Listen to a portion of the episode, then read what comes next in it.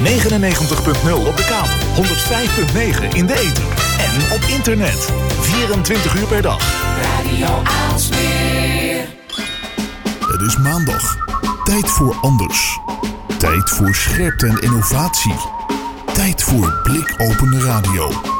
Met Puur, Wilg en Lennart. Ja, het is maandagavond. Het is uh, Blikopenen Radio nummer 41 alweer. Het is uh, 25 november 2019 en vanavond duiken we in de wereld van de e-sports. En dat doen we met onze gast Wart Gene. En hij is e-sports deskundige en de oprichter van het platform e-sports Club. En natuurlijk hebben we ook in de uitzending... Ja, we hebben ook in de uitzending onze columnist Samira Salman. Uh, zij was op de grootste vakbeurs voor uh, meeting, congress en die event-industrie in Europa om te spreken over influencer marketing. Nou, ze gaat het vanavond hebben over de misverstanden die daar vaak aan kleven. Ik ben benieuwd. Nou, ik, voor mij zijn er nogal wat. Dus uh, ik weet helemaal niet waar ze mee komt. dat is dus de column van Samira. Natuurlijk hebben we ook nog de week van Wilg. Hè, onze blikopeners. wat Wilg is opgevallen afgelopen week. En als afsluiter onze columnist Dim van onder andere Android World, World uh, Dimitri Vleugel. En hij praat ons uh, onder meer bij on, over de Motorola Razr. Razr, oh, klinkt goed. En uh, daarnaast willen we vanaf deze plek namens het hele team van Blik Open Radio graag Annemaria Giantasio heel hartelijk bedanken voor haar bijdrage aan Blik Open Radio. En ook de voorloper van dit programma Uur van Puur. Ja, een beetje schrikken, maar Annemaria heeft na lang wikken en wegen besloten om te stoppen. Vinden we ontzettend jammer. Maar goed, we kijken terug op een uh, hele fijne radiotijd. Ontzettend mooi avontuur. En uh, ik neem aan dat ze gewoon af en toe uh, nog even terugkomt in de studio.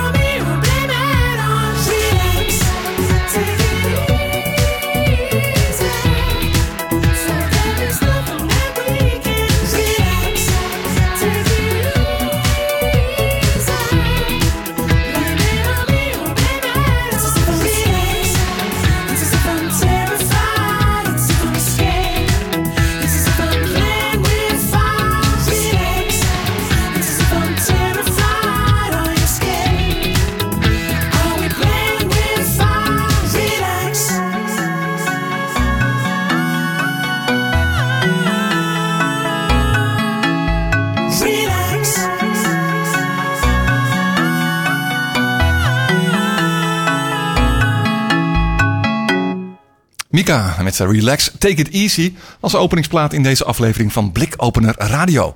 En zoals gezegd, we hebben vanavond een bijzondere gast in de studio. Uh, welkom, Wart Gene. Goedenavond. Goedenavond.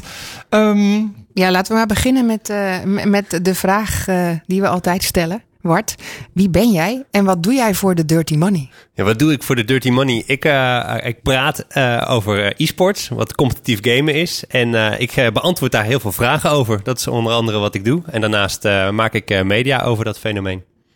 Yes. Ja. Dus je bent e-sport deskundige? Ja, dat ik was de samenvatting? Ik was zelf niet goed genoeg om zeg maar competitief gamer te worden. Oftewel, zeg maar, als je sportverslaggever wordt, ja, zelf niet goed genoeg geweest als sporter, maar je houdt er wel heel erg van om erover te praten uh, en, en dingen mee te doen. En uh, zo is het bij mij misschien ook een beetje gelopen. Hè? Een soort Mart Smeets. Uh, nou ja, dat, dat zou je kunnen zeggen. Waar, waar ik het soms wel een beetje mee vergelijk, om uh, dan toch een vergelijking te trekken. Bijvoorbeeld René Mioch, ja, die weet bijvoorbeeld heel veel van films. En die ken je van, oh, dat is echt een filmkenner. Nou, ik word dan een beetje gezien als iemand die veel weet in verhouding tot anderen over het onderwerp e-sports. Hm. Nou, dus het misschien wel eventjes uh, goed om uit te leggen uh, voor de luisteraar. Wat verstaan we nou onder e-sports? Ja, dat is een goede, goede vraag. E-sports is competitief gamen. Daar heb je eigenlijk drie dingen voor nodig. Je hebt uh, mensen nodig die tegen elkaar willen spelen. Dus het is altijd met meer mensen. dat kan in teamverband of één tegen één. Nou, dan heb je daarnaast nodig een spel dat je wil spelen, een computergame.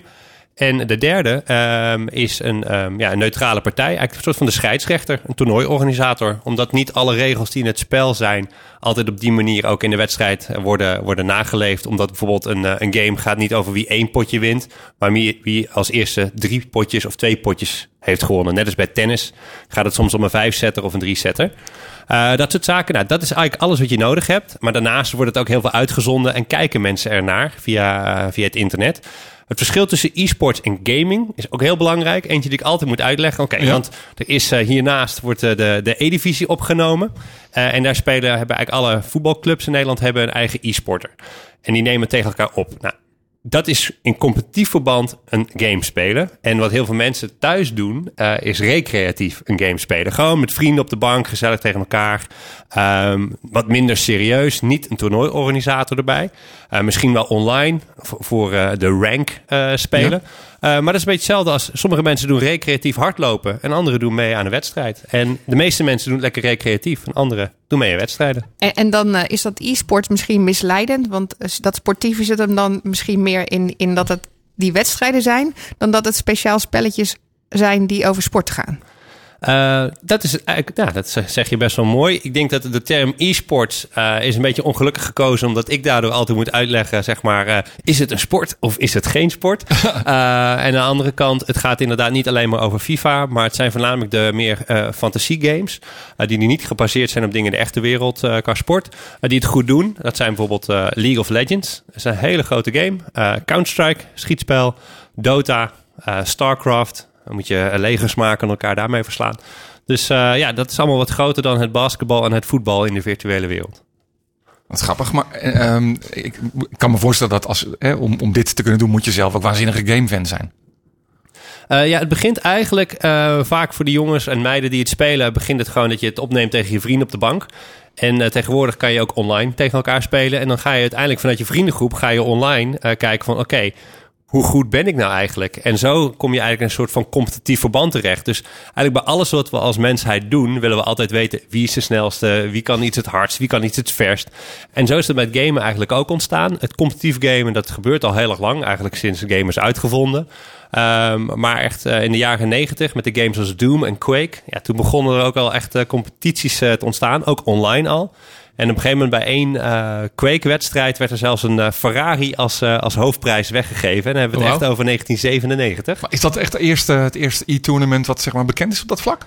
nou ja, het wordt vaak gerefereerd naar een soort van Space Wars-wedstrijd. Georganiseerd door de Rolling Stone, het tijdschrift, ergens in 1972. Wauw. wordt er echt aan gerefereerd op een universiteit. En dat kon dan alleen op een hele bijzondere computer. Want die kon dan die multiplayer kon die aan. Um, maar ja, het meer, daarna heb je natuurlijk de arcade gehad. Dat mensen highscores gingen halen en naast elkaar bij een automaat stonden. Oké, okay, jij hebt de hoge score met Pac-Man en nu ik. Of Street Fighter tegen elkaar. Uh, en daarna is het gewoon ja, veel meer verschoven naar de online wereld. En dat begon natuurlijk in de, de jaren negentig met het internet. Ah, logisch. Hé, maar de, eh, je praat er met heel veel enthousiasme en kennis over. Maar gaan er ook wel een beetje van uit dat jij als kind daar dan misschien wat oefeningen had? Eh, wat, wat wilde jij worden vroeger als kind? Uh, nou, ik vroeger, uh, ik had twee dingen in, uh, in mijn jeugd die een grote rol speelden. Aan de ene kant had ik ouders die verzot waren op sport. Uh, ik ben echt in een sportfamilie opgegroeid. op zondag stond gewoon de hele dag sport aan. Dus nou, dat vond ik machtig mooi. Ik ken volgens mij alleen voor cricket niet de, de spelregels, maar dat is ook heel lastig. maar ook voor curling. Ik weet gewoon wat er gebeurt. En, en daarnaast hadden al mijn grote neven hadden allemaal spelcomputers en pc's. En uh, ja, ik weet niet beter dan het gamen. Dat vond ik machtig mooi. En uh, terwijl ik opgroeide, toen wilde ik altijd iets worden uh, met gaming als ik daar maar, zeg maar fulltime van rond kon komen. En een van de dingen die, die ik wilde als puber was schrijven voor het tijdschrift Power Limited. Uh, ja. Het bestaat nog steeds. En uh, dat heb ik uiteindelijk ook gedaan. Dus uh, ik ben daar stage gaan lopen in 2007. En uiteindelijk fulltime redacteur geworden in 2011. En toen mocht ik een beetje de wereld overvliegen om de nieuwste Call of Duty's en FIFA's te reviewen en te bespreken. En daar begon eigenlijk, en daarvoor had ik zelf al competitief gegamed. Maar toen merkte ik, toen ik daar een soort van al die reviews deed en ja, ik een soort van cijfers gaf aan games, uh, waren er ook heel veel gamewedstrijden en toernooien in stadions. En daar wilde niemand naartoe. En ik vond dat machtig mooi, want ik had dat zelf uh, gedaan. En toen dacht ik, ja, maar dat ga ik dan doen. Uh, als niemand dit wil doen, dan word ik, ik hier gewoon het beste in in Nederland. En dat heb ik eigenlijk sinds 2012 heb ik heel veel verschillende WK's bezocht. Bijvoorbeeld in Warschau met het WK World of Tanks. Heb je gewoon mensen die 7 tegen 7 met tanks elkaar uh, te lijf gaan. Uh, en um, ja, in, in Polen zijn ze dan weer helemaal gek van, uh, van, van, van tanks. Aan de andere kant, kant zit je weer in LA met het WK Call of Duty. de allereerste. Ja, dat zijn hele interessante en leuke reisjes. Maar Uh, ja, zo, zo, zo, rol je een beetje in de rol, denk ik, van, uh, van, van e-sportsdeskundige. Maar ik kan me ook voorstellen dat, dat je ouders dan die hadden van... ja, maar dat, kun je, dat, dat gaat nooit worden. Dat, dat wordt hem niet, dat gamen. Nee, Daar maar geen geld te verdienen, toch? Nee, maar dat was vroeger ook. Ik denk dat ik competitief gamede in het jaar 2001. Ja? Toen betaalde je nog telefoonticket. Toen hadden we een ISDN-verbinding. Dat mijn moeder wel nog kon bellen terwijl ik in game was. En ik betaalde heel netjes mijn telefoonticket. Uh, en ik ging er ook niet vanuit dat ik daar heel veel geld mee ging verdienen. Dus dat er echt grote bedragen in, in omgaan...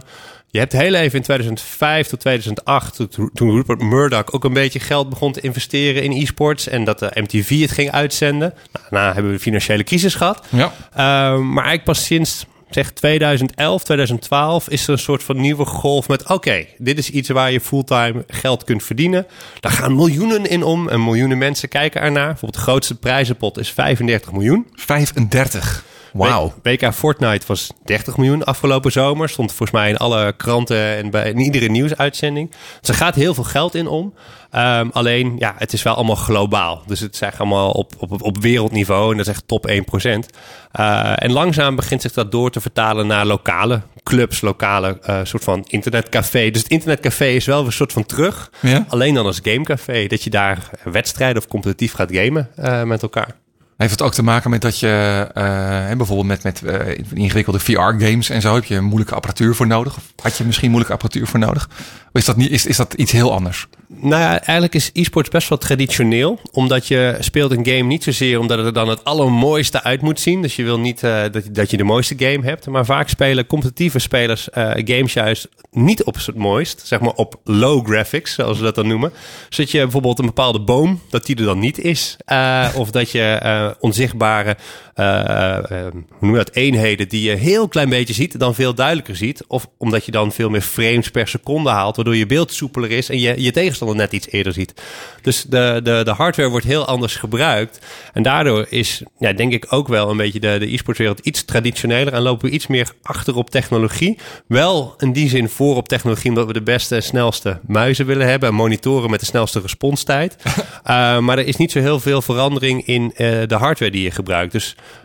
uh, het feit dat we het muis en toetsenbord was eerst de basis. Nu wordt een soort van al de controller geaccepteerd. Want we doen ook steeds meer console. Uh, oh, ja, wordt dat wel e-sports. Dat vind ik grappig. Uh, nou, het was voornamelijk eerst een PC. Echt een PC-wereld. En toen had je eigenlijk alleen de game Halo. Werd een beetje echt competitief gespeeld. En alle, alle fighting games worden niet met de controller, maar met een fight stick. Dat is zeg maar zo'n soort van joystick met knoppen ernaast. Ja, want ik zie ook echt mensen die dan hun eigen soort van controlling board hebben ontwikkeld. Waar ze dan beter waar ze alle shortcuts op hebben en hun eigen stick. In plaats van een, een controller of een toetsenbord. Ja, dat, dat zijn gewoon, dat, daar, daar speel je dat op. Omdat dat beter, eh, ja, dat competitief gezien is dat betere hardware, zeg maar, om een, hoog, een beter resultaat mee te halen. En dat heeft eigenlijk de allereerste gaming miljonair, Fatality heette die. Die deed ook mee met, uh, met gamewedstrijden. En hij kwam er gewoon achter dat al die toetsenborden en die muizen... die werkten voor hem niet helemaal lekker. Dus hij is gewoon zijn eigen hardware-lijn begonnen. Dat hij gewoon met een, uh, met een hardwarefabrikant... gewoon zijn eigen toetsenborden en muizen is gaan ontwikkelen... die ja, beter geschikt waren voor competitief gamen. Dus het is eigenlijk een soort van, net als met de auto-industrie... zeg maar de Formule 1. Ja? Ja, dat je gewoon een soort van productontwikkeling doet. Dus wat je nu ook heel veel ziet... is dat al die koptelefoons, muizen en toetsenborden... allemaal endorsed zijn door bepaalde ja, pro-gamers. Van ja, dit is echt een heel goed toetsenbord. En dat hebben zij ook als, als je een wedstrijd gaat spelen. Dan staat er vaak al een monitor en een PC. Maar al die gamers nemen hun eigen muis en toetsenbord mee. Ja, ik heb inderdaad ook een eh, toetsenbord en muis in huis uh, die endorst zijn door. Regenboogkleuren. Met de regenboogkleur LED, inderdaad. Dat, dat, is een beetje je racket wat je meeneemt. Ja. Ah, zo. Hey, maar ja, jij zei net, van, nou, niemand wilde daarheen naar die e-sports. Dus ik dacht, dat ga ik doen. En je, en je, bent er ook heel enthousiast over. Maar ik kan me daar best wel iets voor bij stellen. Want, want waar kijk je nou naar? Je kijkt naar mensen die in een stoel zitten en dan heel snel met hun vingers zijn. Terwijl er niet, hè, voor, voor mensen die van buitenaf kijken, misschien helemaal niet heel veel gebeurt fysiek. En je moet wel snappen wat er in zo'n game gebeurt om te kunnen beoordelen van, nou ja, uh, hoe, hoe, goed zijn ze nou eigenlijk en voor wie moet ik zijn? Ja, dat klopt. Je moet wel een beetje weten uh, ja, hoe het spelletje werkt. Dus als je echt zo'n game als League of Legends is, dus heb je honderd verschillende helden met die allemaal weer vijf vaardigheden hebben. Dat is oeverloos complex. Uh, en, en, en, zitten die mensen die tegen elkaar spelen dan ook met z'n allen in een hal een beetje, uh, nou ja, naast elkaar naar een scherm te kijken? Nou, ze zitten zelfs in een stadion met commentatoren erbij en dan hebben ze zeg maar headsets op die, die headsets op die geluidsdicht zijn, zodat ze niet zeg maar de commentatoren oh. kunnen horen. En dat ja. zijn gerust stadions. Uh, er is een League of Legends wedstrijd geweest in een stadion in het Olympische Stadion in, uh, in China. Er zaten gewoon 40 tot 60.000 mensen live te kijken, terwijl er miljoenen mensen online via een livestream meekeken. Dus ja, dit, uh, dit gebeurt echt al in, in stadions. Het is niet meer een afgelegen, afgelegen halletje. Um, ja, en, en, waar kijk je dan naar? Ja, het is best wel ontmenselijkt, om het zo maar te zeggen. Net als met Formule 1. Ja, je ziet de auto. Je ziet niet echt de coureur of zijn gezicht. Ja, soms hoor je wel de stem. En dat maakt het wel wat lastiger om uh, de emotie erin te brengen. Daarom zie je bij wedstrijden wel vaak dat naast uh, de gameplay die in beeld wordt gebracht. Dat je ook facecams ziet. Dus je ziet wel de, de gezichten vaak van de spelers erbij. De uitdrukkingen. Ja. ja. En al die games hebben een speciale modus. Je kijkt nooit vanuit het perspectief van de speler. Maar je hebt een soort van toeschouwerspositie. Waarmee je veel meer data hebt. Dus je ziet een soort van... Nou, net als bij voetbal heb je een soort van overview van het veld. Um, je hebt een soort van een, een, een cameraman die in-game de camera bestuurt. Uh, en het voor het publiek in beeld brengt. Dus dat soort uh, uh, opties heb je allemaal in de games. Wat vet. En gaat die dan ook mee met. met hè, want er zijn natuurlijk een aantal spellen waar je misschien één op één speelt. Maar zoals League of Legends gaat het natuurlijk heel erg uit vanuit een team. Je hebt, je hebt een, een, ja. een, een, team met een, met een tank en een healer. En die moeten met elkaar overleggen. En, en daar kan je heel goed in zijn. Gaan ze dan ook uit van zo'n team die dat dan speelt? Of is dat, is, is dat bij toernooien anders? Ja, nee, bij toernooien heb je dan inderdaad echt dat ze vijf tegen vijf spelen spelen. En dan zo'n cameraman, dat is echt een beroep. Uh, een observer heet dat. Uh, die brengt dat dan, uh, die zorgt ervoor dat alle actie die in beeld moet komen, ook op de juiste manier in, in beeld komt. En daar zitten dan meestal twee commentatoren, soms drie, die er overheen praten. En dat is echt heel Amerikaans. Dus dat is niet zoals bij Nederlandse sport. Ehm, blind speelt naar Van Dijk. En dat je het heel saai. Nee, ze hebben echt een, een color uh, en een play-by-play. Dus de color vertelt dan een soort van de achtergrondverhalen. Dus als het rustig is, krijg je gewoon heel veel informatie en analyse van de game. Uh, en op het moment dat er actie is, krijg je dus een hypecaster. Dus iemand die vertelt exact. een hypecaster. En nu doet hij dat. En nu doet hij ja. dit. En wow, dat is helemaal te gek. Bij de eindbaas baas gaan ze helemaal los. En nou, dan... ze, ze, spelen natuurlijk tegen elkaar. En als je dan 5 tegen 5 hebt en ze gaan op een gegeven moment zo'n game bouwt op naar een climax. Ja. Uh, en daar waar je bij sport, bijvoorbeeld bij voetbal, twee keer 45 minuten speelt en het gelijk uh, kan worden. En het echt een zaadwedstrijd is waar je echt denkt, waar heb ik naar zitten kijken?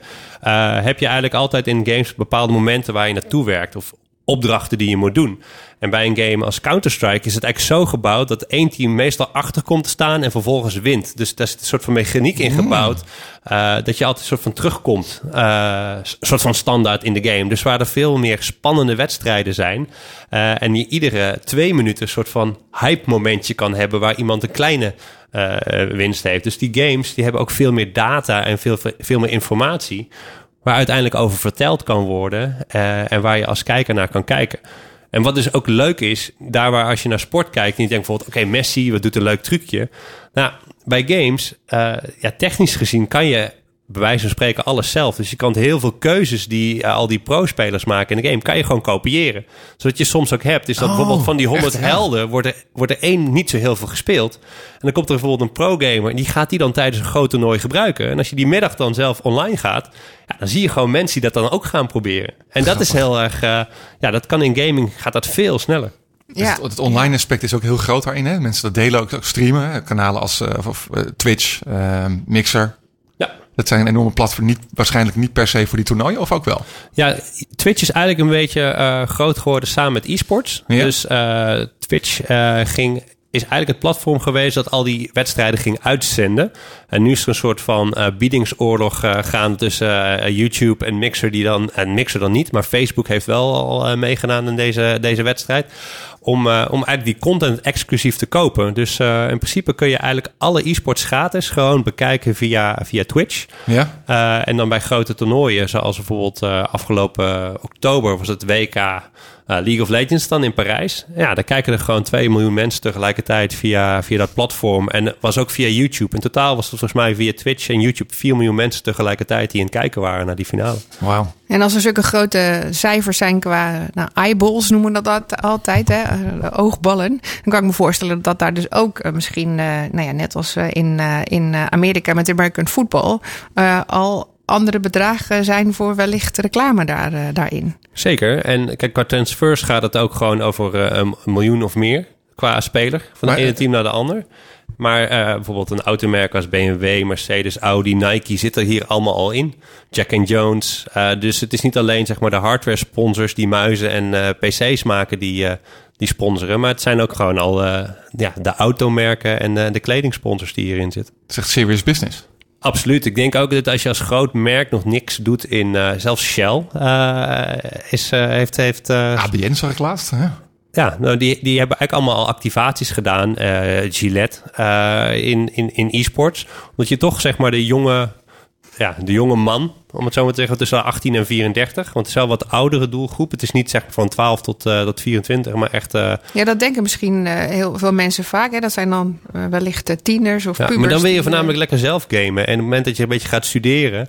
Uh, en dat soort zaken, dan ja, kom je ook weer een soort van ander, andere denkwijze over, uh, over een game. Dus heel veel ja, topgamers beginnen misschien wel, zijn, zijn 16 of Ja, 18. Je hebt natuurlijk een hoop uren nodig om erin te stoppen om, om die skill te krijgen. Om bij de top, uh, wat is Ja. het, 1% te horen. En als je dan wat ouder wordt, zoals, zoals ik ben, ik ben inmiddels 35. En je kan zelf niet meer zoveel uren gamen, maar je wil wel zeg maar vette gameplay zien. Dan ga je dus gewoon naar andere mensen kijken uh, die gamen. En, en dingen doen die je dan wel kan waarderen, omdat je de game begrijpt. Dus je ziet wel wat je ziet. Net als dat je bijvoorbeeld uh, niet zo heel goed bent in voetbal, maar wel iedere zondag zeg maar naar voetbal kijkt en misschien niet eens bij een club zit. Uh, omdat je gewoon kan waarderen wat, uh, wat voor entertainment er op, op, op je scherm te zien is. Ja. Nou, was ik, nou was ik gisteren met mijn neefje van 12 uh, naar Bright Day. Wat hier in Haarlemmeer was.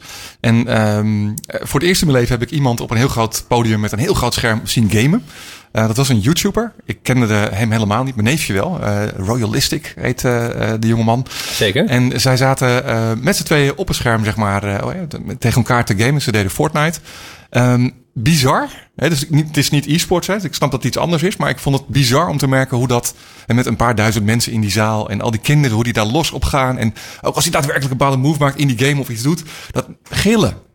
Ja, dat... ik, ik, kijk me echt mijn ogen uit. Ik had, ik had het nooit meegemaakt nog. Zo, zo, ik kan me dus voorstellen dat zo'n toernooi nog veel heftiger is dan dat. Ja, maar dat is een beetje hetzelfde met, denk ik, zang of dans of uh, zeg skateboarden. Zeg maar. Op het moment dat je zelf weet hoe moeilijk het is ja. uh, wat iemand doet, kan je ook veel beter waarderen wat je, wat je ziet. En al die kinderen spelen natuurlijk Fortnite. En uh, Roy is een van die ja, van, die, van die jongens die samen met Fortnite heel groot is geworden. Ik heb hem ooit geïnterviewd op de PlayStation stand. En toen had hij volgens mij nog 50.000 subs. En uh, toen was Fortnite nog helemaal niet uit. Nee. En nu is hij een van de grootste YouTubers qua gaming van, uh, van, van Nederland.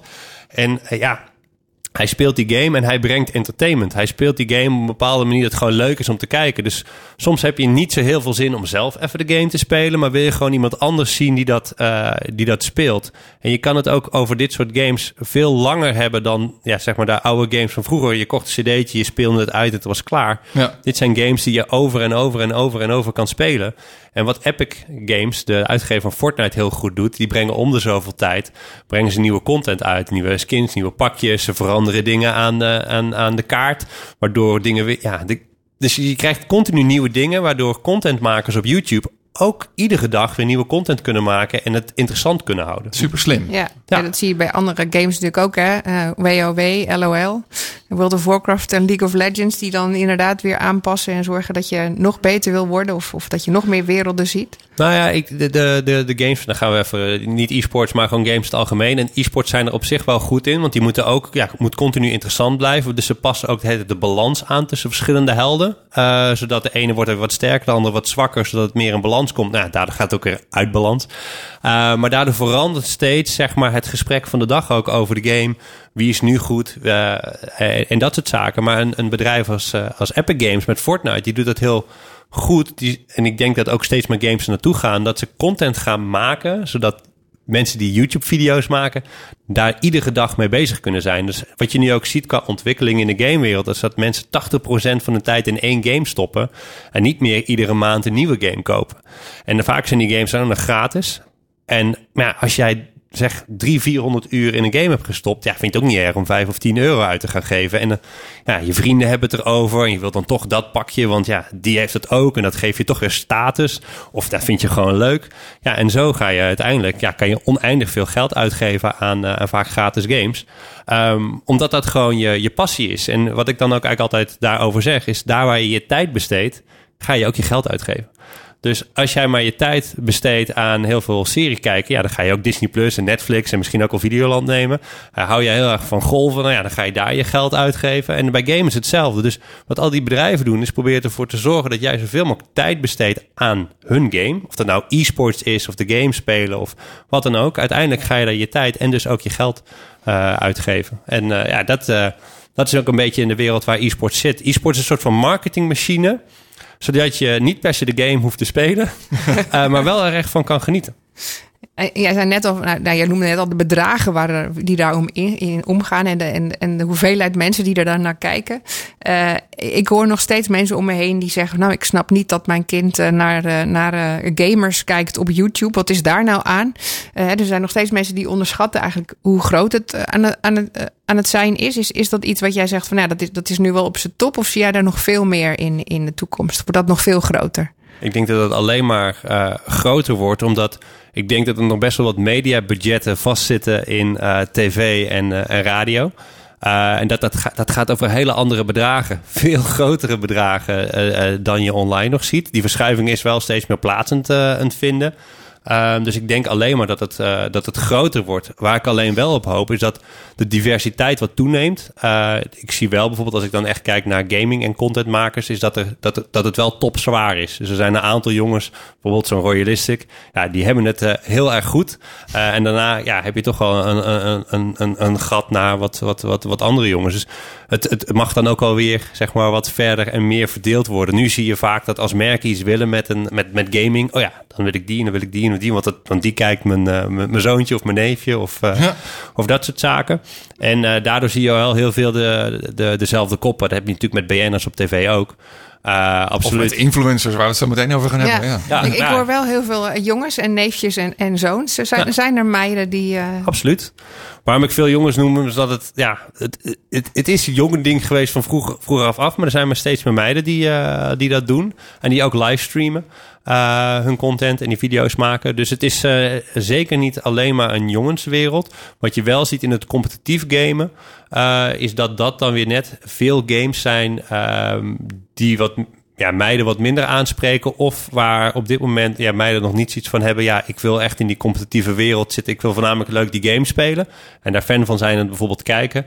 Um, maar misschien nog niet zeg maar echt meedoen aan competities. En eh, ik verwacht wel dat het gaat veranderen eh, langzaam. Want er moeten, wat, ja, er moeten wat voorbeelden zijn. Er was laatst er was, eh, eh, een Chinese meid die won het WK Hearthstone. Eh, ja, dat is dan toch iedere keer dan een voorbeeld van... oh ja, als meid kan het ook. Wat gaaf. Is een, wat is voor jou zelf, ehm, wat zou de holy grail zijn, zeg maar, in jouw vakgebied?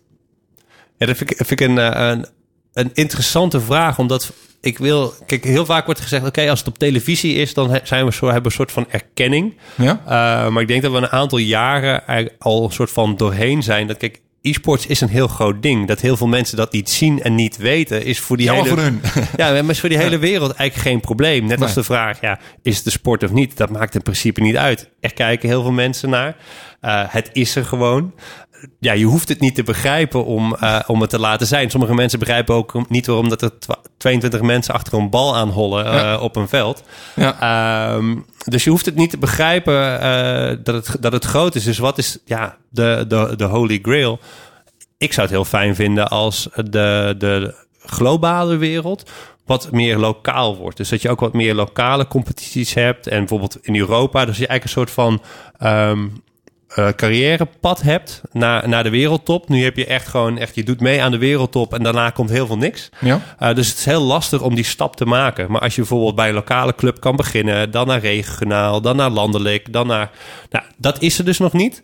Uh, en dat heeft dus een soort van ja, de, de oorzaak, omdat je online speelt. Ja, kan je met iedereen spelen. Dus Ja. bij sport moest je wel vanuit, ja, moest je fysiek samenkomen. En uh, dus nu is die ontwikkeling is dus vanuit wereldwijd langzaam... oké, okay, we moeten een Europese competitie. En dan gaan we kijken hoe kunnen we een Nederlandse... of een Franse of een Spaanse competitie... hoe kunnen we dat weer met elkaar verbinden. En omdat het bij e-sport heel erg organisch is gegaan... omdat ja, er waren heel veel mensen die waren niet zo geïnteresseerd in competitief gamen. Dus heeft die hele community het soort van samen gedaan. Dus je ziet heel veel van het is onze game, het is onze wereld. Is vanaf onderop heel hard gegroeid. En nu zie je dat er veel meer ja, VC capital, uh, venture capitalist aankomen van oké, we gaan nu investeren en er worden er met miljoenen gegooid. Als je een plekje wil, bijvoorbeeld in de Overwatch League of bij League of Legends in Amerika, betaal je gerust 20 tot 40 miljoen gewoon om alleen al mee te doen in de competitie. Wauw. Ah, dus het gaat ja. om te beginnen. Ja, dat is wel leuk. Ja. Maar het, ja. Is, uh, ja, het is heftig. Ik, ik, wil, ik heb nog eigenlijk wel weer een hele persoonlijke vraag hierover. Want jij vertelde net uh, dat je ook een uh, zoontje hebt uh, inmiddels. Ja. Als die nou ook competitief wil gamen, mag hij dat dan? Mag hij daar uren in stoppen om te oefenen? Van zijn moeder niet, van zijn vader wel. nou, mijn vrouw heeft helemaal niks met dat competitief gamen, maar ze accepteert het wel. Dus dat kan ook. Hè. Je hoeft er zelf niks mee te hebben, maar je kan het wel zeg maar accepteren dat het, uh, dat het bestaat.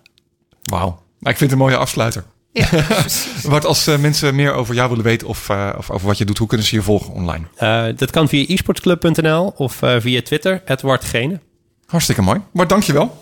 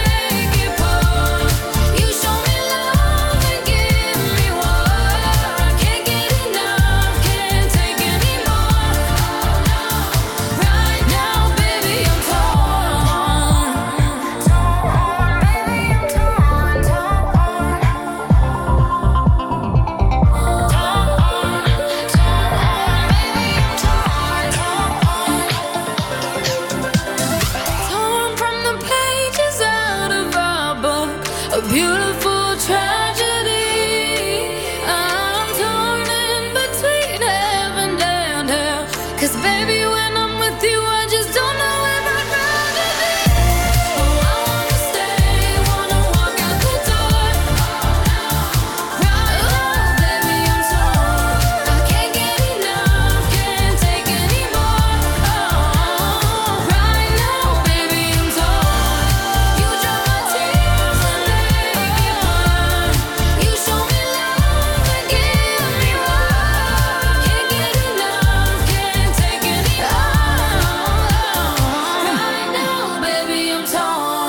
torn. Eva Max bij Blikopener Radio.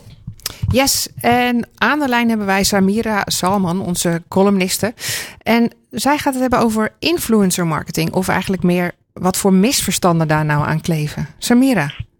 Ja, en dan nog aanvullend over de in de B2B-markt, dus de zakelijke influencers. Oh, Zakelijke influencers, die, staan ook, die bestaan ook. Ja, ja eigenlijk ben ik een zakelijke influencer. Ik, ik eh, schrijf over producten eh, vanuit een bedrijf die een product heeft die die aan een ander bedrijf wil verhuren. Kijk, het gaat eigenlijk om mensen, maar het is dus tussen twee bedrijven kan er een, een, eh, een hoe zeg je dat, een samenwerking ontstaan, omdat ik erover geschreven heb. Mooi. Dus ik ben ook een zakelijke influencer. Ehm, en ja, ik was dus op IBTM. Eh, dat is een hele grote vakbeurs, de grootste in Europa voor de, ja, de meeting- en eventindustrie. Eh, en ik mocht daar spreken dus over influencer marketing in die branche. eh, met nog een andere groep eh, influencers. Ehm, en wat voor mij, het is zo grappig, ik ben natuurlijk zelf gewoon dagelijks, wekelijks mee bezig. Ehm, maar door die sprekers, die, of die andere mensen die ik zelf sprak en die ik hoorde spreken, kwamen een aantal dingen naar boven. Ik dacht van, god, dat word ik nu zelf ook bewuster van. Ehm, want er is natuurlijk niet, ik, ik heb er geen opleiding voor gevolgd. Ik doe gewoon mijn ding. En dan ben je ineens, word je betaald voor iets en dan ben je ineens influencer. Ehm, en toen dacht ik, dat ga ik eens delen. En ook zeker omdat er wat negatievere ehm, meningen zijn over influencers. Ik dacht, ik ga het eventjes een positieve twist aan geven. Ehm, en wat ik heel grappig vind, jullie hebben natuurlijk net met Bart gesproken over de gamers en YouTubers. En ik denk dat dat ook is waar mensen als eerste aan denken bij een influencer. Is dat iemand die eh, een YouTuber heeft met heel veel volgers. Of misschien wel een, met een beetje een modepopje, maar mooie dame op, eh, op Instagram. Die heel prachtige foto's maakt of, of eh, van eten. Ehm, maar eigenlijk is iedereen natuurlijk een influencer. Ehm, en in de zakelijke markt is dat helemaal net eventjes eh, net even anders. Ehm, en wat bijvoorbeeld wat, ik mij, wat mij opviel is, ik noem mijzelf geen influencer, maar content creator. En dat deden eigenlijk al die andere influencers die spraken op het event ook. Dus dat vond ik wel een verrassend eh, feitje. Ik dacht, ah, dat is wel interessant. ja. Dus ehm, had ik eigenlijk eerder niet bij stilgestaan. Ehm dus het zijn ehm, eh, eigenlijk mensen die heel graag hun kennis delen over hun werk en hun expertise delen. Ehm, en daardoor ook een soort van voorbeeldfunctie krijgen. Ehm, en die zijn ook vaak wat ouder. Dus die zijn dan rond de 30, 35 of misschien nog wel ouder. Eh, omdat die al een paar jaar werkervaring hebben. Ook zo'n feitje die ik niet wist. Ja. Dus bij influencers denk je en- meestal aan jonkies en jij zegt, Ja. nou, dat is hier ietsje ouder. Iets, Ja, iets, ja. Ik bedoel, oud is natuurlijk heel... Bart moet al heel erg lachen al in de studio hier. Nee, ik, Oh, ik, ja. dacht, ik dacht, ik noem mezelf ook content creator. 35, ja. Nee, Ja, ja. dat is wel Ja, mooi. ja, ja, ik dacht het aan. Eigenlijk als jij betaald wordt om eh, bepaalde content te plaatsen, dan ben je ook een influencer. Wauw. Dan ja, toch nog. Denk ik weer aan, want ik zit er ook wel eens aan te denken. Het verschilt denk ik of je het als persoon plaatst of als, eh, op je platform. Maar in principe, Ja. ja, iedereen is influencer. En, en zijn er dan nog, nog eh, extra regels? Eh, Wanneer, ben je dan, wanneer mag je jezelf een influencer noemen dan? Ik kan me voorstellen, Ja. dat, vind ik wel een mooi inzicht. Business to business is dat toch anders. Het hoeft niet per se, eh, nou ja, die, die YouTuber of, de, of, dat, of het over eten of mode te gaan. Maar Nou, ik weet niet wat de regels zijn. Want ik zeg, ik ben ook begonnen en dan kom je ineens andere mensen tegen die hetzelfde doen. Ik denk dat ik ben mezelf influencer tussen neus en lippen door gaan doen, maar het staat niet groot op mijn website sinds ik ervoor betaald krijg. Dus sinds ik betaald krijg om bepaalde content te plaatsen, omdat ik die achterban heb, ehm, durf ik het makkelijker over mijn lippen te krijgen. ja, maar of dat de, de regel is, weet ik, weet ik eerlijk gezegd ook niet. ik vind het wel een mooie Ehm, definitie. Ja, zodra Ja, je ervoor toch? betaald krijgt ja, om je achterban ja, te bereiken. Dat is ja, een soort adverteren eigenlijk, hè, wat, een, wat een bedrijf dan Ja. doet. Alleen het verschil is dus, wat ik zeg, daar heb ik laatst ook veel over nagedacht, is dat een adverteren is vaak een, een, een merknaam, een, een bedrijf. Eh, en als daar, de, hè, er zitten er allemaal mensen die eh, bijvoorbeeld de reda- redactie, die gaan weg. Maar dan nemen ze ja, soms wel een deel van hun achterban mee, maar meestal zit de achterban bij het bedrijf en niet bij die persoon. Ja. Dus ik denk dat dat het verschil is tussen een influencer en een, ja, Ja, bij een uitgever, ja, precies. Oh. Ja. En een laatste dingetje wat me nog eh, opviel in de zakelijke eh, markt qua influencers is dat ze vaak ook een kleinere achterban hebben. Hè, dus vaak vallen ze ook er niet zo op, want en ze noemen zich geen influencer en ze hebben een kleinere achterban, omdat ze in, in een niche zitten. Dus echt een hele, nou ja, net als over de e-sport, het is een hele gerichte niche, wat maar een heel relevant netwerk en misschien ook best wel groot, waar mensen helemaal niet bewust van zijn. Dus eh, ja, wat ik zeg, ik ben er zelf dus heel- continu mee bezig. Maar voor mij waren dit dus ook wel een paar eye-openers die ik even waardeerde. Wat goed. Mooi. Dankjewel. Als mensen meer over jou willen weten, hoe kunnen ze, daar, eh, hoe kunnen ze je volgen? Eh, zoek op Event Goodies en dan komen ze me vanzelf tegen. Hartstikke mooi. Samira, dankjewel. Jullie ook. Doei! Blikopener Radio. En daarmee gaan we door met eh, de week van Wilg. Wilg, wat viel je op afgelopen week? Ja, onze blikopeners van deze week. Nou, eigenlijk zijn die een beetje van ons eh, samen, Lennart. Want Ja. eh, we hadden het van de week al eh, ja, eigenlijk over een van de meest eh opzienbarende onthullingen eh, op internet. Als je tenminste in die niche zit. Ja, Nou, vertel, wat was jou opgevallen deze week? ja de Cybertruck. De Cybertruck. Tesla Cybertruck natuurlijk. Heb jij dat gezien, eh Bart? Zeker, ook met eh, de metalen bal. De metalen Ja. bal, ja. Ja, daar is natuurlijk wel iedereen over praat. Maar, oh, en over de vorm natuurlijk dan.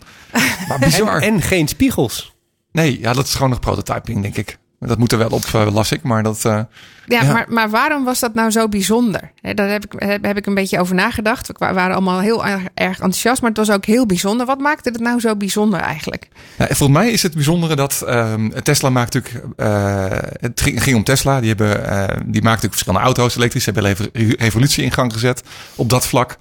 Ehm, hadden nog geen pick-up truck. Dat is in Europa helemaal niet zo'n ding, maar in Amerika dus wel. De meest verkochte auto's daar zijn allemaal eh, pick-up trucks. Er gaan miljarden om in die markt. En Tesla had dat nog niet. En dus die hebben een eh, nieuw model pick-up truck aangekondigd eh, in hun lijn. Die komt over een paar jaar pas uit. En iedereen verwacht natuurlijk bij die auto's die Tesla maakt... dat het allemaal heel slick en heel polished is en heel mooi, weet je wel. Dat, dat verwacht je, een beetje de, de design en zo. En dan komen ze met iets en dat is echt... Ja, bold is het Engelse woord ervoor, hè. Dus echt heel erg ehm, eh, polariserend. Is misschien een goed, eh, goede term. Ja, ja ik, ik denk dat dat ook de verwachting is. Hè. Er zat een zaal vol mensen die dachten, nou, er komt weer iets nieuws van Tesla. Wat Ja. zullen ze nu hebben? Het ziet er misschien uit als, die, eh, als de, de, de, de truck. Hè? Dus als de vrachtwagen die ze hebben gedaan. Die heel strak en heel aerodynamisch is en zo. En dit ding, ja, dat was wel aerodynamisch. Of is aerodynamisch. Maar ja, heel erg hoekig. Nou ja, ik vond het er dus letterlijk uitzien als de Mars Rover. Ja, Eh, hoe die eruit zag. Je zag ook een aantal mensen schrikken van, is dit dan? ik, ik heb heel veel filmpjes gekeken inmiddels op YouTube. En, dan, en mensen die dus ook de- die onthulling filmden. En dan de reactie van zichzelf ook onder in beeld hadden. En al die mensen hadden echt zoiets met open mond van... Wat? Nee, echt? Dat kan niet waar zijn. Oh my god, nee. nee dat echt die manier. Heel Nou, grappig. wat ik nou zo speciaal vind en waarom ik het er eigenlijk toch over wilde hebben. Want ja, Ja. wat is er nou zo bijzonder aan, eh, aan weer een auto die eh, onthuld wordt? Is dat ik toch vind dat Tesla een beetje de wereld van automotive eh, aan het veranderen is. En dat ze dat eigenlijk doen door, door- het door voor een aantal mensen steeds gewoner te maken om op deze manier naar autorijden te kijken. Eerst begonnen ze natuurlijk dat elektrisch rijden groot te introduceren. Dat was dan hè, voor een aantal eh, automerken al een beetje gewoon. We kenden natuurlijk al eh, de, de, de Leaf bijvoorbeeld. Maar zij maakten het eigenlijk veel toegankelijker en veel ehm, gebruiksvriendelijker. Omdat ze veel meer een softwarecompany wa- waren. Daar, hadden ze, daar hebben we het natuurlijk over gehad. Maar Ja. hoe ze nu de auto's verkopen, dat zijn ze ook aan het veranderen. Het, al- het, alleen al het feit dat ze na die, die show die ze eigenlijk opgevoerd hebben Ja. eh, eh, eh, van de week, hebben ze nu 200.000 pre-orders. van mensen die zeggen: Doe mij ook een truck. En het grappige is, is dat dat van mensen is die misschien helemaal nooit een truck hadden gewild. of wisten dat ze een truck zouden willen. maar nadachten over überhaupt een elektrische auto. en nu denken, 100 euro neerleggen Ik als wil een zo'n soort truck. deposit. Ja, en, en eh, hè, die- stalen bal die helpt er alleen maar aan mee. Want daardoor gaat iedereen nu praten over de nieuwe Cybertruck van Tesla. Die pas in 2022 uitkomt. Qua marketing doet hij het altijd eh, echt briljant. Hij is Ja. een enorme meme lord, om het, eh, om het zo maar even uit te drukken. Maar wat wel goed is, wat je er dan ook van vindt. Ik vind hem spuuglelijk, maar, eh, ik, maar daardoor misschien wil je hem juist wel rijden. Alle auto's lijken steeds meer op elkaar. Precies. Als je een beetje op lijkt. Ik heb laatst kocht ik een auto en dan keek ik van. Hè, heb ik deze nou? Is dit, oh nee, dit is een ander merk. Oh nee, is dit nou een Opel? Nee, is een Volkswagen. Oh, is dit nou... Ja. Dus alles lijkt steeds meer op elkaar. En vroeger had je nog echt dan eh, best wel mooie en gedurfde auto's. Dat is Eh, allemaal uit. Dan kan je dus dit niet mooi vinden, maar het is wel gedurfd. Dus er is- gebeurt wel weer wat. Precies, en het is anders. Dus als je zegt ik wil anders zijn, dan moet je bij Tesla zijn. En je Ja. ziet nu ook dat andere automerken dan denken, nou dat doe ik Tesla maar na. En die gaan adverteren met hoe bijzonder het is als je straks misschien auto, autonoom kan rijden. Nou, dat is iets waar Tesla al lang mee bezig is. Dus Ja. het loopt er allemaal achteraan. Dus ik vind dat... Ik, ik is vind ook dat- visionair, want het is natuurlijk met autoontwerpen. eh het duurt jaren voordat een auto daadwerkelijk natuurlijk op de weg komt. Hè. Dus dat- zo'n zo'n ontwerptraject dat duurt jaren. En, en eh, smaak verandert ook. Dus het is heel lastig om eh, vooruit te kunnen kijken van wat mensen over een paar jaar eh, mooi gaan vinden. Ja, en toch, en toch doet hij dat. Eh, terwijl in de auto-industrie het normaal is om, om zeven jaar te doen over het ontwerp van een nieuwe auto. En dan En dat, nog eens zeven ja. jaar voor de productie. Nee, maar dan, en dan dus nog steeds gaan bedenken van wat vinden mensen dan mooi en Ja. wat is dan nog En- steeds futur- futuristisch. Precies. En inmiddels heeft hij het ook al heel normaal gemaakt dat je je Tesla gewoon online koopt op basis van een 3D-model. Eh, helemaal niet eerst eens even voelen en kijken hoe dat zit. Dus ik denk toch dat dat eh, ma- maakt wat Tesla zo speciaal is. Ze veranderen nu al eigenlijk jouw eh, verwachtingen en, en als het goed is ook een beetje de wereld. Ja, ja fascinerend. En inderdaad ge- gedurfd en ballen om het zo te doen. Nou goed, en eh, het andere wat me opgevallen was deze week is, nou, laten we het niet hebben eh, over eh, afluisteren of deepfake of inmenging. Daar hebben we het natuurlijk al vaker over, die donkere kant van het internet. Doet mijn telefoon mij nou wel of niet afluisteren? Tim Berners-Lee heeft zich al eerder zorgen gemaakt over waar gaat het internet nou naartoe. Hè, mijn internet, die, de uitvinder van het wereldwijde web, is helemaal niet zoals ik het ooit bedoeld had. Ehm, en hij had ook al een keer eerder gezegd van nou, wij als gebruikers zijn eigenlijk verantwoordelijk voor het internet. En hoe zorgen wij er nou voor eh, dat het blijft zoals ik het ooit bedoeld heb? Nu komt eh, de World Wide Web Foundation eh, samen met Tim Berners-Lee ook naar buiten met een initiatief initiatief om dat internet nou juist te redden. Hij zegt van nou, eh, it took all of us to build the web that we have. He, wij, het, heeft ons allemaal, eh, wij hebben allemaal het, het web gebouwd dat we nu hebben. En it will, ta- it will take all of us to secure its future. En wij moeten ook allemaal helpen om eh, de toekomst hiervan veilig te stellen. Mooi. Nou, wat ze nu opgericht hebben is het contract voor de web. En een contract voor de web is niet zozeer alleen een visie, maar eigenlijk ook een eh, actieplan eh, voor hoe wij gezamenlijk met z'n allen eh het World Wide Web zouden kunnen redden. En ik heb eens gekeken, ik vind het eigenlijk wel heel mooi, heel mooi uitgelegd. Ze hebben negen basisprincipes geformuleerd, waaraan iedereen eigenlijk die zich op het web begeeft zou, aan moeten bij zou dragen. Dat zijn drie principes voor overheden. Die, ze zeggen van nou, zorg dat iedereen met het dat, zorg dat iedereen zich met het internet kan verbinden. Hou het hele internet toegankelijk, altijd. Dus Ja. stukjes eh, minder. Ja. Respecteer en bewaak de data en de individuele rechten van je burgers. En dan hebben ze drie principes voor bedrijven. Eh, maak het internet toegankelijk en betaalbaar voor iedereen. Respecteer en bewaak de privégegevens van mensen om online vertrouwen te kunnen bouwen. En ontwikkel technologieën die het beste in mensen naar boven brengen en het slechtste aan de kaak stellen. Mooi. En dan is er, zijn er ook nog drie voor burgers. Ja. Wees een maker en een samenwerker op en aan het web. Bouw sterke communities waar we op een respectvolle manier met elkaar in gesprek kunnen gaan. En vecht voor dat net. Nou, dat contract is inmiddels getekend door 150 eh, eh, bedrijven. Eh, ook een aantal grote giganten, internetgiganten. zoals Microsoft en Google en Facebook en Twitter. Nou goed, de vraag is... fronsen. ons allemaal onze wenkbrauwen. Ja. hè, Van hoe gaan, hoe, gaan, hoe gaan die er nou mee om? Ja. Maar ook bijvoorbeeld DuckDuckGo, die juist heel erg voor een, ehm, een eh, open en privé of eh, gebruiksvriendelijk internet is. En, en ook eh, zorgt dat jouw gegevens eh, bewaakt blijven. Ja. En een aantal non-profit groups, zoals bijvoorbeeld de Electronic Frontier Foundation.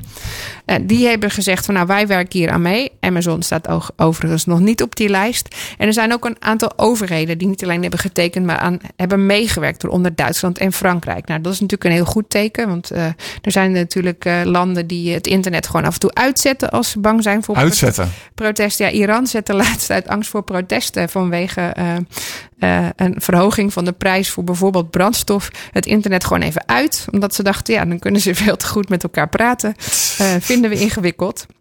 En de bedoeling is dan ook dat mensen die dit tekenen, eh, dat dat niet een soort farce wordt of, of gewoon maar marketing, maar dat het echt een actieplan is. En dat we inzichtelijk kunnen maken en anderen ook verantwoordelijk kunnen houden voor hun aandeel hierin. Hm, ik ben benieuwd hoe ze dat gaan doen. Ik bedoel, hoe ga je Facebook van... Dat is nu al moeilijk. Ja, Om ze verantwoordelijk te houden voor data en dingen. En, op zich is het natuurlijk wel een goed teken dat ze hier eh, met z'n allen aan mee willen doen. Eh, hoe dan de uitvoer is van het actieplan, nou, dat, is, dat is een tweede stap. Eh, maar het is in ieder geval een stap om met z'n allen voor een beter internet te vechten. Nou, mocht je daar nou aan mee willen werken of daar meer van willen weten, dan kun je naar contractfortheweb.org. contractfortheweb.org. Oké, Yes. interessant. Ja, Wauw. ik eh, wil zelf eigenlijk ook maar wel meewerken en vechten voor een eh, beter internet. Nou, dat is natuurlijk een mooie, eh, mooie streven. Yes.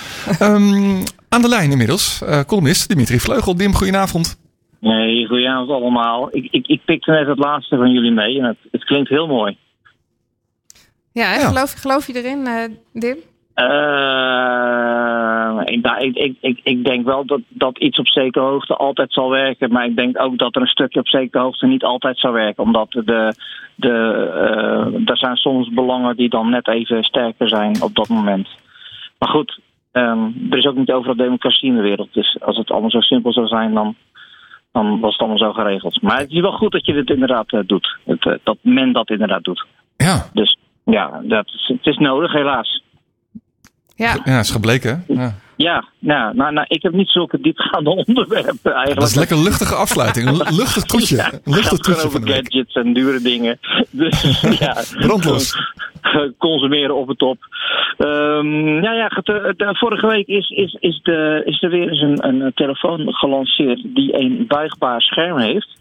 Ehm, we hebben het al eerder over gehad. Hè? We hebben de, de, de Galaxy Fold van Samsung en wat de, de, de, Mate X van, eh, van Huawei. Allebei de toestellen zijn eigenlijk niet, niet, echt verkrijgbaar. Ja, een beetje wel, een beetje niet. En best wel duur.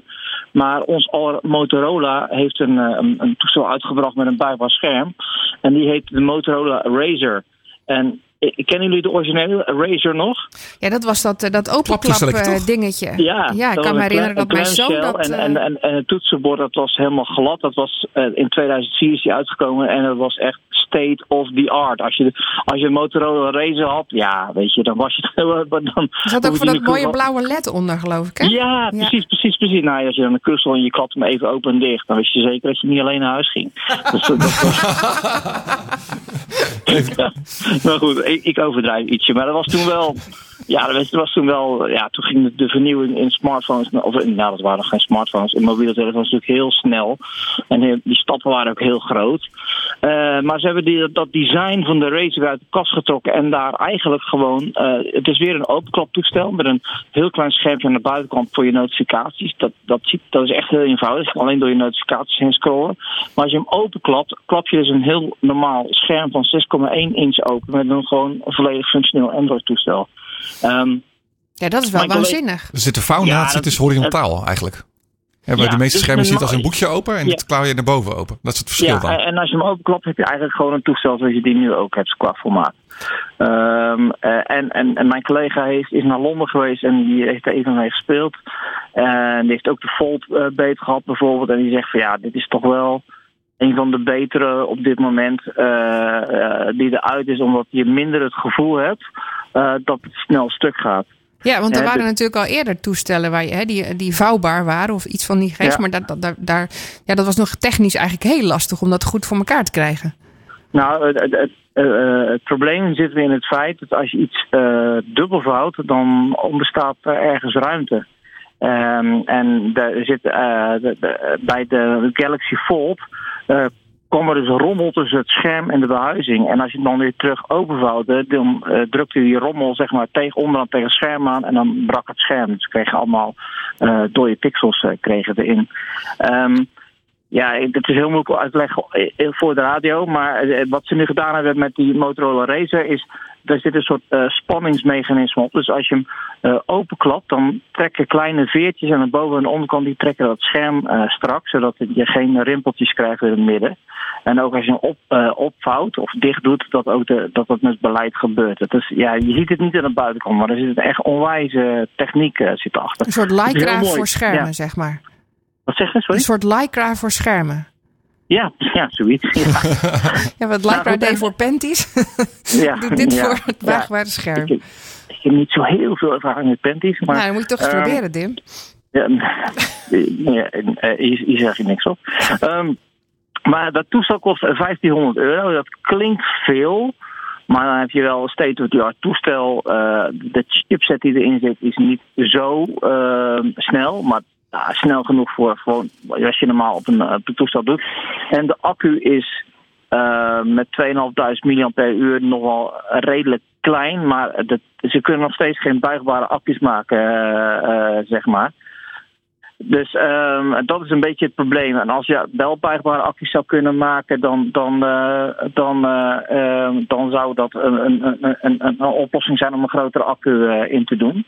Ehm, maar goed, de, de, de- hij, hij komt nog niet naar Nederland, want zit, dat ding draait op een eSIM. Ah, En een eSIM is een elektronische simkaart, dus geen fysieke simkaart meer, maar een, een, een, ja, een stukje software wat je erin stopt. scheelt weer een beetje en- ruimte. Er scheelt weer ruimte en kosten. Eh, alleen, ja, de providers zijn er niet zo wild van. Want ja, zo'n stukje fysiek eh, kaartje is natuurlijk een soort handenbindertje met, voor klanten. Dus ja, dat, eh, dat, dat, dat, dat willen ze niet zo graag opgeven. Alleen in Nederland, T-Mobile, die gaat het nu aanbieden. Alleen de rest zijn allemaal nog in onderhandeling. Dus ik denk niet dat we het toestel snel zullen, zullen gaan zien. Het is wel jammer. Denk jij dat het is, dit, dit het al doet? Is het goed genoeg? Of, of moet het nog een beetje doorontwikkeld met zo'n vouwbaar scherm? Eh, het moet sowieso doorontwikkelen in het prijsniveau. Want 1500 euro is natuurlijk, ja, dan, zit je, eh, dat, dat, dan heb je de allerduurste smartphone zeg maar, die je kunt kopen doorgaans. Ja. Eh, als je geen Apple koopt. Ehm, ehm, maar, maar het moet nog wel doorontwikkelen. Ehm, er zijn, het, is, het is en blijft nog wel fragiel. Kijk, ze hebben dat natuurlijk uit en treuren getest. Maar de, de echte test vindt altijd plaats in real life. Er zijn dingen die kun je gewoon niet testen in een laboratoriumomgeving. Dus ik ben ook benieuwd hoe dit gaat. Alleen, ehm, Motorola heeft al gezegd dat ze nu, nu al aan andere modellen bezig gaan eh, zijn. En ze gaan daar echt meer van dit soort modellen uitbrengen. Dus we kunnen de komende jaren ja, heel veel van dit soort modellen verwachten. En wat natuurlijk super tof is. Omdat het weer een hele nieuwe productcategorie eh, wordt. Jij, wil jij een eh, vouwbare telefoon? Ja, absoluut. Als, ik bedoel, als, ik, als je ook kijkt, je moet hem even googlen, de Motorola Razr. Het is gewoon een heel klein blokje geworden. En het neemt veel minder ruimte in beslag. Ehm, en het beschermt je scherm ook beter, want je, het is gewoon dicht. Dus, eh, dus ik, ik, zie, ik zie het wel zitten. En kijk, wat Motorola heeft gedaan, die hebben gezegd: oké, we maken een heel klein toestel. En je klapt hem open en heb je een normaal toestel. Wat eh, de Fold en Mate X hebben gedaan, die hebben, je hebt een normaal toestel en dat kloop je open tot een soort kleine, ehm, kleine tablet. Ah, dus er zijn ook twee verschillende benaderingen. En ja. net wat je wil. Dus zoek je, zoek je stuk product- productiviteit, dan, dan wil je dat laatste. Eh, Of ga je kijken naar wat, eh, wat Microsoft heeft gedaan. Die heeft twee eh, aparte schermen en een scharnier. Dus het is geen vouwbaar scherm, maar een soort twee schermen naast elkaar. Ziet er ook heel mooi uit. Alleen dan heb je er wel die, die balk in het midden, zeg maar. Maar goed, dan zou je wel twee schermen tegelijkertijd kunnen werken. Eén scherm als toetsenbord bijvoorbeeld, ander scherm gewoon als je, als je beeldscherm hebt. Kleine, kleine, kleine laptop, zeg maar. Soort van. Dus ja, het, is gewoon heel interessant hoe dat, eh, hoe, hoe, hoe, nu ook weer opeens verschillende vormfactoren weer gemaakt kunnen worden, waardoor de diversiteit weer veel groter wordt in de markt. Dat is vanuit een commercieel oogpunt natuurlijk ook heel erg leuk. Ja, nou, een beetje zoals die, eh, die nieuwe eh, Cybertruck. Dat er ook eens een heel controversieel ontwerp ontstaat op telefoongebied. Ja, alleen wij schieten niet op de telefoons. Wij, wij weten van tevoren dat het niet goed gaat. Nee, ja, maar het is hetzelfde wat jij zegt. Hè. Je test het van tevoren heel veel. Dat heeft Tesla natuurlijk ook gedaan met die, eh, Ja. die kogel, zeg Ja. maar. En dan net, hè, Ja. eh, een van de dingen die ik hoorde was dat het is zo vaak getest op dat ene stuk glas dat net in de demo het dan dus wel breekt. Ja. Ja. dus ja, nou, grappig. Heb je de Maar al getest in de club? Of wat heb je gedaan? Heb je hem al getest in de club? Nee, ik heb hem helaas niet. Ik, ik, ik wil toch wel eens proberen of het inderdaad nog steeds zo'n beetmagnet is als vroeger. maar, eh, maar goed, even over die truck. Dit is het beste wat, eh, wat Tesla kon overkomen. Hè, dat die, dat die ruitstuk ging. Dus ik Eigenlijk. bedoel, de, de mate van publiciteit die hij nu heeft gekregen, Ja. dat is echt onwijs. Hij heeft al zoveel voor pre-orders gekregen op dat, eh, op dat apparaat. Ongelooflijk. Dat is bizar. Hey Dim, dankjewel. De tijd zit er alweer op. We moeten door naar het nieuws en naar het volgende uitzending. Dus dankjewel voor je bijdrage. Als mensen jou willen volgen, hoe doen ze dat? Dim op eh, Twitter en Dim underscore NL op eh, Instagram. Hartstikke mooi.